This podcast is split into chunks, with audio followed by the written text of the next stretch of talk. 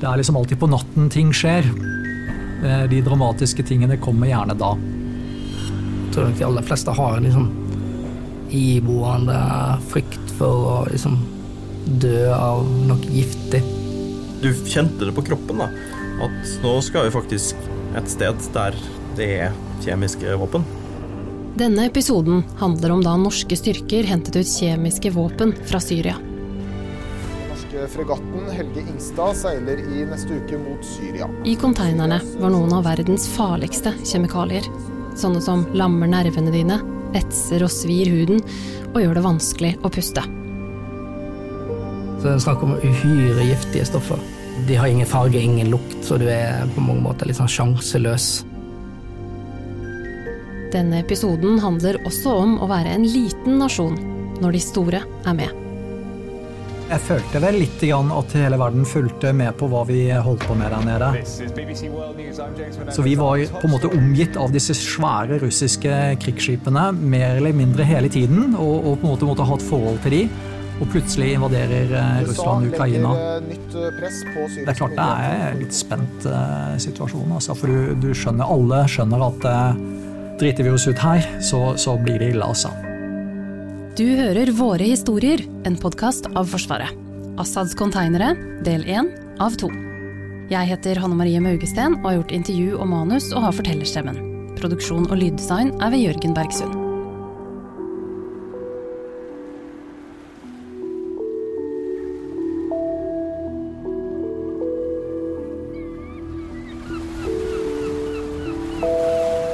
Havet betyr mange ting for meg. Det er på en måte en, en veldig frihet av å være ute på havet. Dette er Per Ostad. Han har brukt et halvt liv på havet. Det er et veldig fint liv, et veldig givende liv, og, og det har først og fremst sammenheng med alle menneskene som er der. Når det er vindstille og havet ligger foran ham glitrende og flatt, så syns han det ligner et blått dansegulv. Andre ganger står han i styrhuset og må lene hodet bakover for å greie å se toppen av de store, skummende bølgene. Per er skipssjef på en fregatt. En fregatt er et krigsskip. Se for deg et stort, grått skip med helikopterdekk bakerst. Fregattene har missiler om bord og er oppkalt etter norske oppdagere og vitenskapsmenn.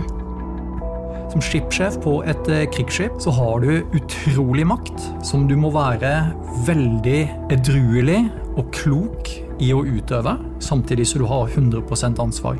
Og jeg tror det er denne balansen mellom ansvar og myndighet som gjør at dette er en fantastisk, helt unik og vakker jobb, altså.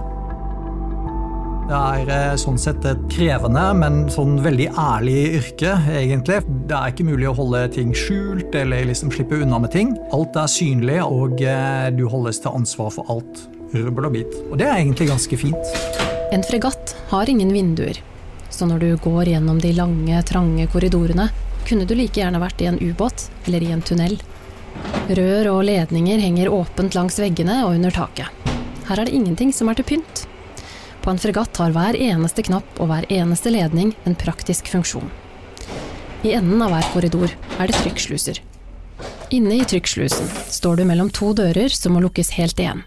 Du kjenner et lett trykk i ørene, og så kan du åpne neste dør og bevege deg videre innover i skipet.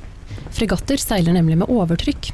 Hvis en del av skipet begynner å brenne, vil ikke gift og kjemikalier spre seg om bord pga. overtrykket. Når denne historien begynner, høsten 2013, så har det vært en travel høst. Mannskapet har lagt bak seg uker med øving og trening. De har vært lenge ute, og Per og mannskapet gleder seg nå til noen rolige dager hjemme. Når fredag ettermiddag kom, så dro jeg hjem, for da hadde jeg ikke sett familien min på ganske lenge, og tenkte det ble fint med en eh, litt rolig helg eh, hjemme. Og da har vi som eh, fast tradisjon hjemme at når far er hjemme, så lager vi hjemmelaget pizza på fredag ettermiddag. Det er første helga i advent, og folk har så vidt begynt å henge opp julestjerner i vinduene på Skarefjellet i Bergen. Jeg husker sånn halv seks-tiden en fredag ettermiddagen, så sto jeg litt sånn innimellom kjevler og pizzadeig og mel og unger og god stemning, så ringer telefonen. På nyhetene denne høsten har nordmenn sett hvordan sivilbefolkningen i Syria har gjennomgått forferdelige lidelser. Det er blitt vist bilder av barn og voksne med pusteproblemer og kramper. Videobildene viser hvordan hjelpearbeidere og leger forsøker å spyle kropper rene. Ofrene er blitt utsatt for kjemiske våpen. Presidenten i Syria, Bashar al-Assad, mistenkes for å stå bak disse angrepene, og for å ha brukt kjemiske våpen mot sin egen befolkning. Russland, USA og Vesten har pressa på for å få i stand en utlevering av de kjemiske våpnene. FN og Organisasjonen for forbud mot kjemiske våpen, OPCW, har stilt seg bak. Og til slutt så har Assad sagt ja til å levere fra seg de kjemiske våpnene han sitter på. Stormaktene har altså fått i stand en avtale, og Norge og Danmark sier ja til å stå for å hente ut de kjemiske våpnene fra Syria. Og det er nå storpolitikken treffer den pizzabakende Per i Bergen. Stemmen i den andre enden av telefonen spør nemlig Per om han og hans mannskap kan seile til Syria og være de som henter ut de kjemiske våpnene. Og de skal helst være seilingsklare allerede mandag morgen. Og da snakket de ikke om mandag om 14 dager eller fire uker, det var mandag om eh, to døgn. Per står med mel på hendene og telefonen klemt mot øret. Han ser på julestjerna i vinduet og tenker at når et lite land med en liten marine skal delta i en operasjon hvor alle stormaktene har interesser, så kommer det ikke til å være rom for så mange feil. Han skjønner også at her kommer det til å være litt norsk ære som står på spill. Per sier ja. Du kommer veldig fort i spenningsfeltet mellom enkelt og komplisert i denne type oppdrag her. Et uhell med en sånn container kan få veldig store konsekvenser for veldig mange mennesker. Det er tre ting som gjør denne operasjonen spesiell. For det første så er det krig i det området hvor de skal hente de kjemiske våpnene. Over 100 000 er drept, konfliktbildet er uoversiktlig og situasjonen er kaotisk. Det andre som gjør oppdraget komplisert, er at det som skal hentes ut er tonnevis med kjemiske våpen, inkludert nervegasser. Og nummer tre, operasjonen vil ha høy medieinteresse. Ikke bare i Norge, hele verden kommer til å følge med. Det er en sånn liten miks av følelser. Jeg var på en måte glad for å få et konkret eh, operativt eh, oppdrag i utlandet. Men samtidig så har jeg jo vært i gamet såpass lenge at jeg visste at nå ryker julen. Dette her kommer til å ta lang tid. Jeg har vært veldig lite hjemme de siste veldig mange måneder nå, egentlig. Og nå blir det mer av det samme. Det er flere i Forsvaret som blir ringt denne fredagskvelden i desember. I tillegg til Pers mannskap på 140 personer, er det om lag 70 andre personer som blir ringt og spurt om de vil stille opp. De som blir ringt, sier ja. Frode f.eks., soldat fra Kystjegerkommandoen. Det jeg var mest spent på, var vel hvordan vil det være å være på et fartøy hvor vi har veldig farlige kjemikalier om bord. Hvordan oppleves det? Hvordan vil den prosessen For idet vi deployerte, så var jo ting veldig usikkert og ikke klart i det hele tatt. Så hele prosessen, ja, hvordan skal uthentinga faktisk foregå? Hva, hva skjer? Hva, hvordan går det her? Det var vi spent på. Frode skal bl.a. ta ansvar for styrkebeskyttelse. Det vil si at jobben hans er å sørge for at de andre soldatene er så trygge som mulig. Når norske soldater reiser ut på oppdrag, så har de alltid med et styrkebeskyttelsesteam. De fungerer som en ekstra sikring rundt de andre soldatene. Når vi reiste ut, så reiste vi ut på ubestemt tid, for da er det ingen som veit hvor lenge vi blir ute. Hvordan er det da? For oss som reiser ut, så er det helt greit. Personlig så syns jeg det bare er veldig spennende, veldig interessant og givende. Mens for familiene som er hjemme, så er det mye mer belastende. Jeg hadde jo samboer og to barn. Den yngste var da tre. Han var jo baby når jeg reiste til Afghanistan, eh, min andre tur til Afghanistan. Og da forsto han ikke så mye, så det gikk egentlig helt greit. Mens det var mye mer belastende både for han og for de andre hjemme nå, for nå var han så stor at han skjønte at de var vekke, og at de var en del av livet hans i større grad enn når han var en baby. Så han gikk ofte og leita etter meg og fant meg ikke, og gråt mye, som var tøft for de som var hjemme. Var... Forskeren og kjemikeren Stig Rune får også en telefon. Han kan masse om kjemiske våpen, men han er sivil, og han kan ikke noe særlig om det å være soldat. Jeg har aldri gjort det før, så ja, det, var helt nytt. Jeg har bodd i utlandet før, men å være med i en militær operasjon, det er noe helt annet. Stig Rune blir spurt om å være med som faglig rådgiver. Kjemikaliene som skal hentes ut, er så spesielle at for en kjemiker så er det her et drømmeoppdrag. Jeg tenkte vel da at det her hørtes spennende ut. Det har jeg lyst til å gjøre. Det var det første jeg tenkte. Per, Frode og Stig Rune reiser ut på ubestemt tid. De vet ikke hva som venter dem, men de vet at det de skal hente er farlig, og at det er krig i det området som de skal til.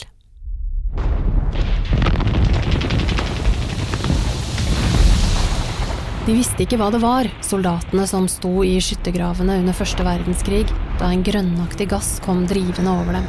Så ble det vanskelig å puste. Klorgass ble tatt i bruk under første verdenskrig.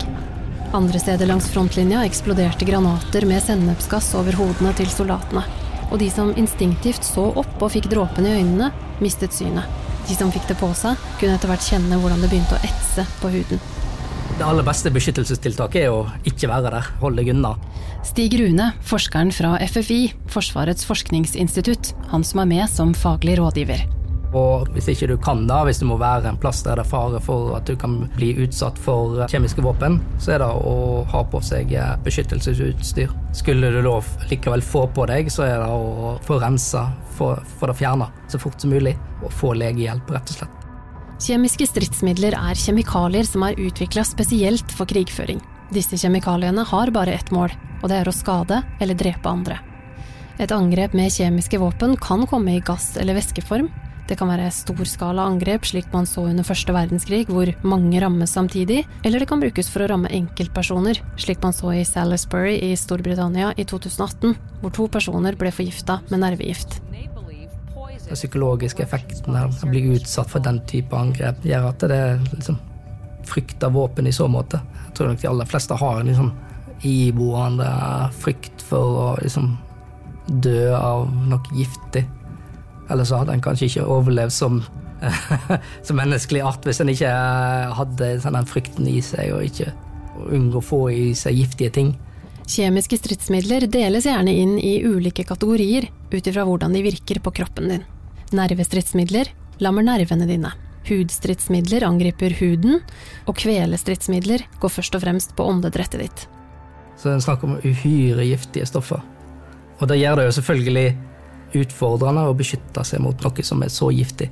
Eh, det krever tilstrekkelig verneutstyr, godt verneutstyr, og det må være riktig tilpassa kroppen og personen. Ja.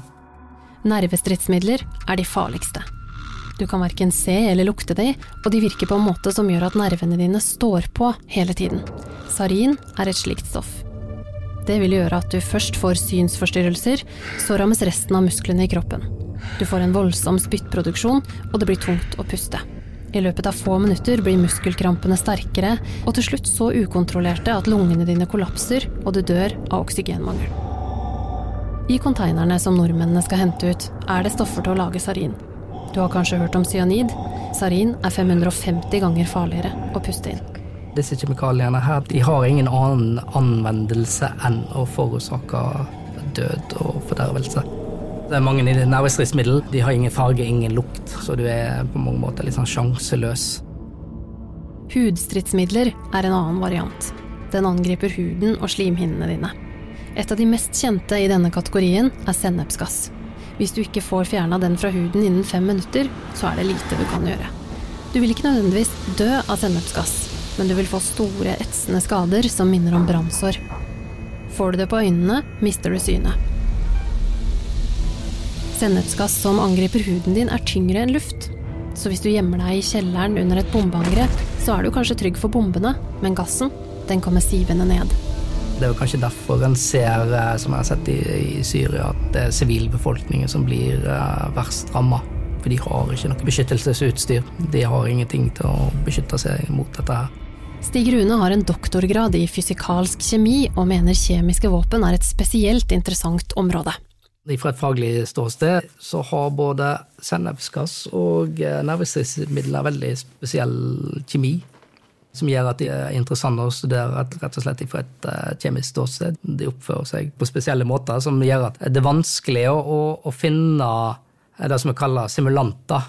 Det betyr at du ikke kan bruke stoffer som ligner, for å prøve å finne ut hvordan kjemiske stridsmidler oppfører seg. Skal du kunne lage nye beskyttelsessystem eller deteksjonsutstyr, så må du nesten ha tilgang til de virkelige stoffene for å kunne få eh, kjemien riktig, fordi de har eh, spesielle særegenheter. Ofte tenker vi på kjemiske våpen kun som gass, men det er ikke helt riktig. En omtaler det ofte som gass, det kan gjerne være sånn veldig fine dråper som blir spredt, eller, eller som væske. Sarin oppfører seg ja, mer eller mindre som, som vann, liksom, med tanke på flyktighet og hvor lett det fordamper osv.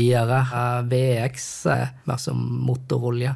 Sennepsgass blir til et fast stoff 14 grader. Så det er begrepet om at det er en gass som kommer, det er litt sånn nyansert, egentlig.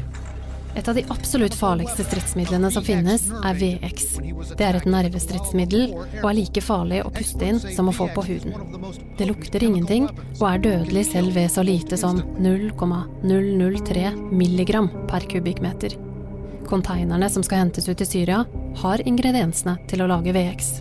I tillegg til utgangsstoffer for sarin og sennepsgass, så er det også en rekke brannfarlige og etsende industrikjemikalier i tønnene på kaia i Syria. Det ene er hvor giftig stoffet eller hvor farlig stoffet er i seg sjøl. Det andre er jo selvfølgelig hvor store mengder det er av det. Og vi tok ut store mengder.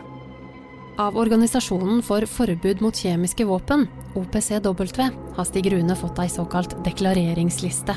Det er en liste over hva han kan forvente å finne i konteinerne i den syriske havnebyen.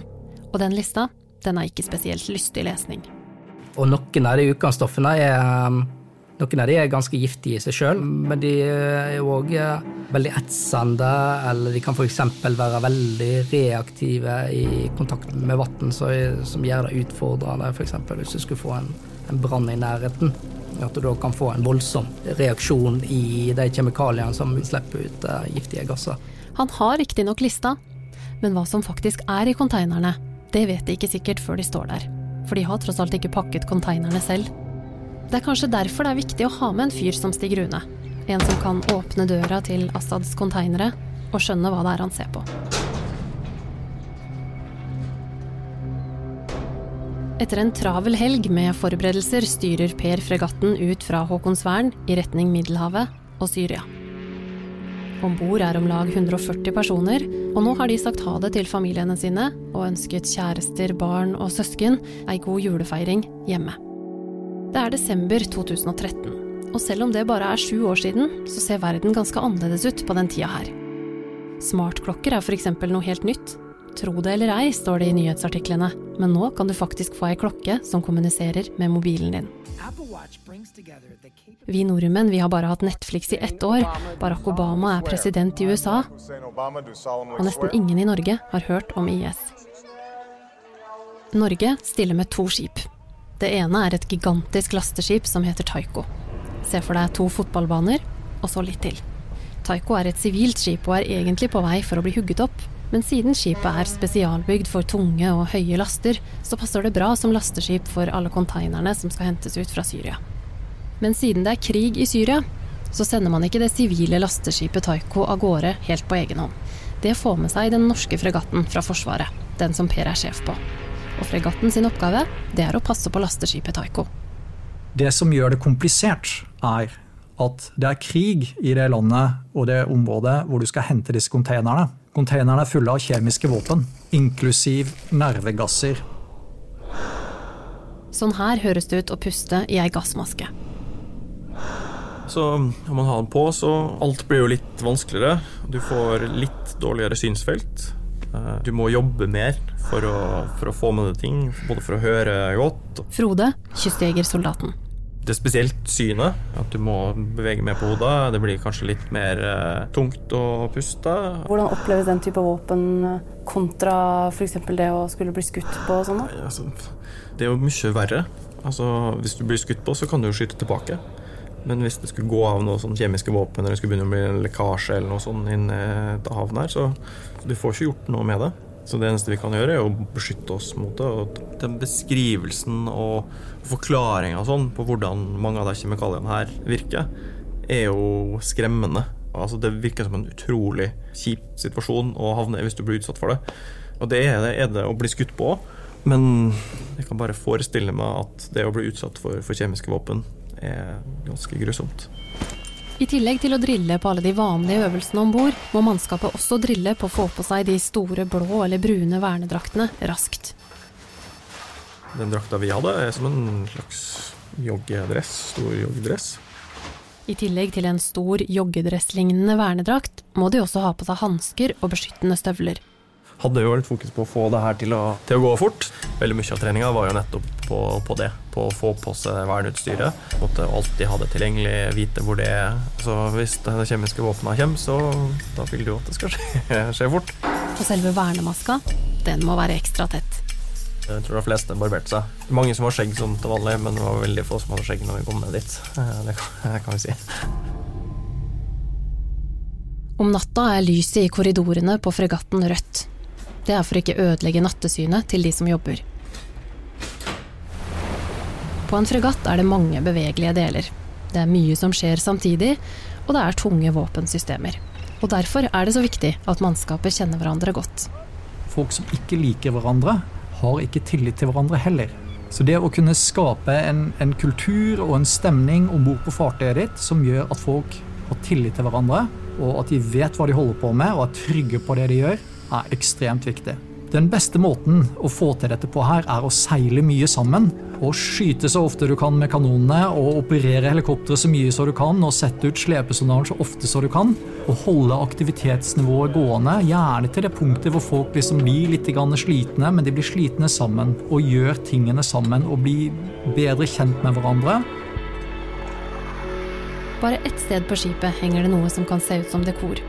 To store portrettbilder. Ett av kongen og et av dronningen. Bildet av kongen og dronningen henger faktisk i norske militærleirer over hele verden. Enten du går inn i et telt i ørkenen i Mali, eller på et kontor i snøføyka på Jan Mayen, så vil du se bildet av kongen og dronningen.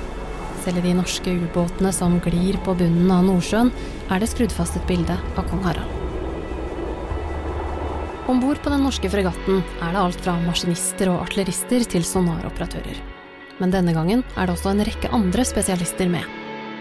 som på en måte gjør det mer komplisert, fordi det er mer å passe på og mer å sette seg inn i. Flere folk som trenger avgjørelser fra sjefen hele tiden. Og, og da må du på en måte vite at du står på trygg grunn når du tar en avgjørelse, at du tar den rette avgjørelsen. Denne gangen er også eksperter fra kjemiske og biologiske våpen med. Minedykkere, kystjegere, eksplosiveksperter, en bombehund, en prest.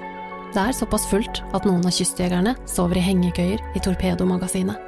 Kjempeflinke folk, alt sammen, og en fantastisk ansamling mennesker. Men fra et sånn sjefsperspektiv så må dette koordineres og gis riktig retning innenfor riktige rammer. Og det er ikke alltid så opplagt hva som er det.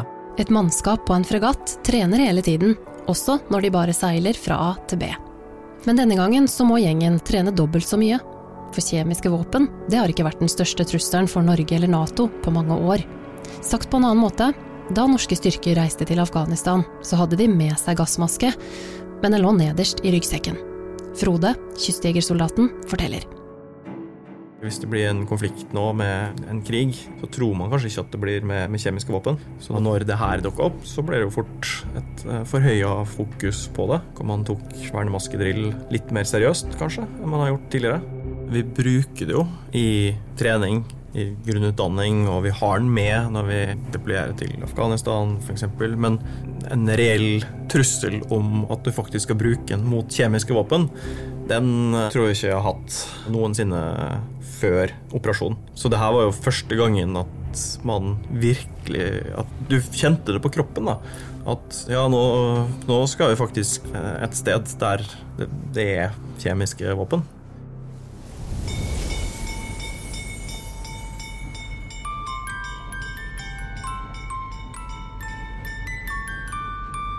Det blir jul i Middelhavet også. Både den norske fregatten og lasteskipet Taiko har nå kommet fram til farvannet utenfor Kypros. Fra farvannet hvor de ligger og venter, kan de etter hvert skimte havnebyen hvor uthentingen skal skje. Byen heter Latakia og ser ut som en vanlig ferieby, med unntak av røyksøylene fra rakettnedslag som noen ganger stiger opp bak byen og lenger inn i landet. Norge skal dele på uthentingen med danskene. Danskene stiller med det samme som oss, et sivilt lasteskip, deres setter Ark Futura, og et dansk krigsskip.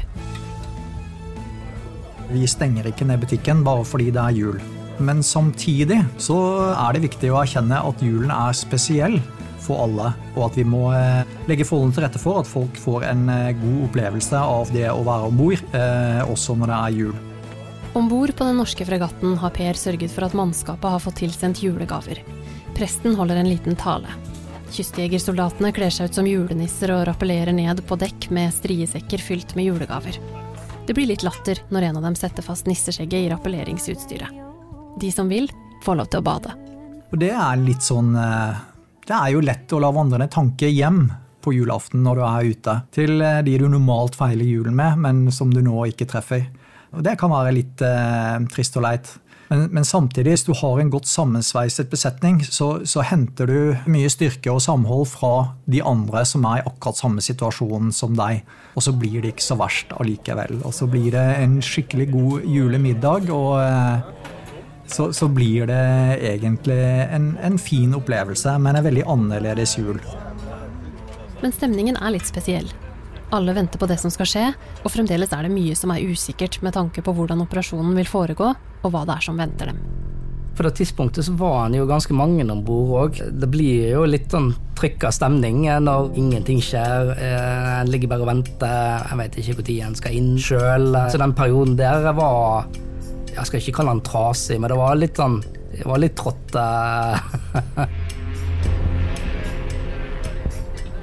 For Per er det nå det begynner å dra seg til. For plutselig begynner det å bli trangt om plassen i sjøen rundt dem.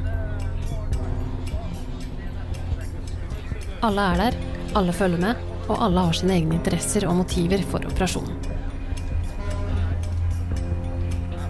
Nordmennene har franske og amerikanske ubåter rundt seg. Franskmennene kommer i tillegg seilende med sitt eget krigsskip. Storbritannia sender også et krigsskip. I lufta over den norske fregatten flyr tyrkiske og israelske jagerfly. Det samme gjør amerikanske droner. Og et stykke lenger ute i Middelhavet hviler fem av USAs destroyere.